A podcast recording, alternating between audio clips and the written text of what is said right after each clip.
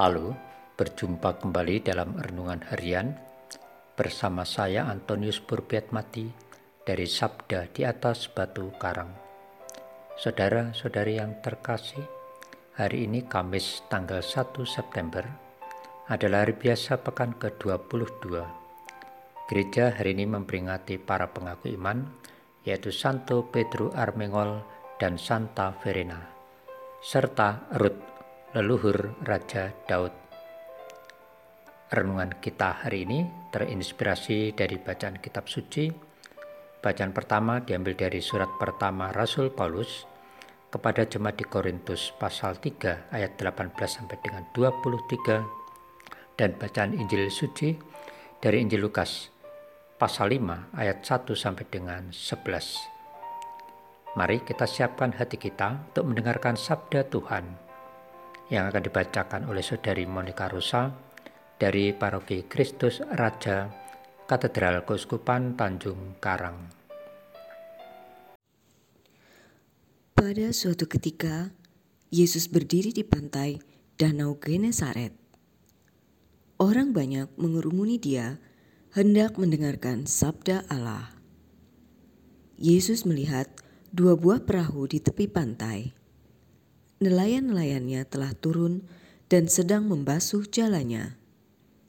Ia naik ke dalam salah satu perahu itu, yaitu perahu Simon, dan menyuruh dia supaya menolakkan perahu itu sedikit jauh dari pantai. Lalu Yesus duduk dan mengajar orang banyak dari atas perahu.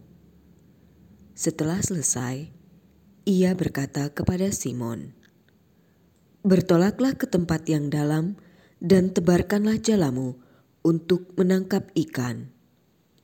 Simon menjawab, Guru, telah sepanjang malam kami bekerja keras dan kami tidak menangkap apa-apa. Tetapi atas perintahmu, aku akan menebarkan jala juga. Dan setelah mereka melakukannya, mereka menangkap ikan dalam jumlah besar sehingga jala mereka mulai koyak. Lalu mereka memberi isyarat kepada teman-temannya di perahu yang lain supaya mereka datang membantu.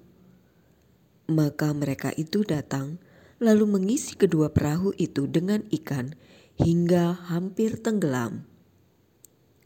Melihat hal itu, Simon tersungkur di depan Yesus dan berkata, "Tuhan, tinggalkanlah aku karena aku ini orang berdosa. Sebab Simon dan teman-temannya takjub karena banyaknya ikan yang mereka tangkap. Demikian juga Yakobus dan Yohanes, anak-anak Zebedeus yang menjadi teman Simon. Yesus lalu berkata kepada Simon, "Jangan takut. Mulai sekarang engkau akan menjala manusia. Dan sesudah menghela perahu-perahunya ke pantai, mereka lalu meninggalkan segala sesuatu dan mengikuti Yesus. Demikianlah sabda Tuhan. Terpujilah Kristus.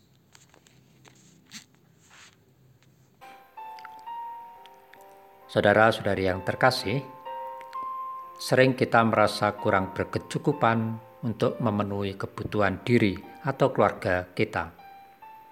Apalagi dalam situasi sekarang ini, barang-barang konsumsi harian cenderung naik sehingga semakin membuat kita was-was akan nasib keluarga. Tentu sangat berbeda dengan mereka yang memiliki cadangan keuangan atau pekerjaan yang tetap sambil terus berupaya bekerja giat atau mengembangkan usaha.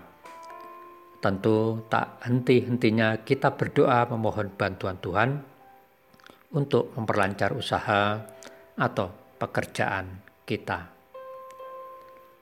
Saudara-saudari yang terkasih, dalam bacaan Injil pada hari ini, kita mendengarkan kisah tentang Yesus yang memilih untuk naik ke dalam perahu Simon. Kemudian Yesus mengajak Simon untuk pergi menangkap ikan di tempat yang agak jauh dari pantai atau ke tempat yang lebih dalam yang banyak ikannya.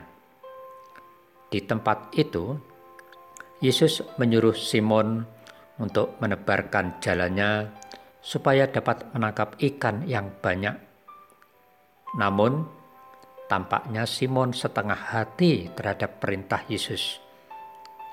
Setelah terbukti mendapat tangkapan yang melebihi biasanya, Simon menyadari kesalahannya dan mohon pengampunan.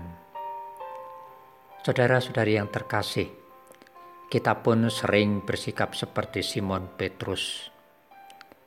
Dalam banyak hal, Tuhan sungguh hadir dalam diri pribadi, keluarga, atau pekerjaan dan kehidupan kita sehari-hari. Namun, karena kita lebih memfokuskan pada kesulitan atau persoalan diri sendiri, sehingga kita tidak menyadari akan kehadiran Tuhan dan kehendaknya. Semoga dalam terang roh kudusnya, kita tergerak hati untuk senantiasa mau mengikuti rencana dan kehendak Tuhan, serta percaya akan setiap perkataan atau perintahnya. Semoga kita senantiasa mampu mendengarkan perkataan dan kehendak Tuhan, agar hidup kita dalam kelimpahan rahmat-Nya. Ya Yesus, mampukanlah aku untuk mendengarkan dan menjalankan kehendak-Mu. Amin.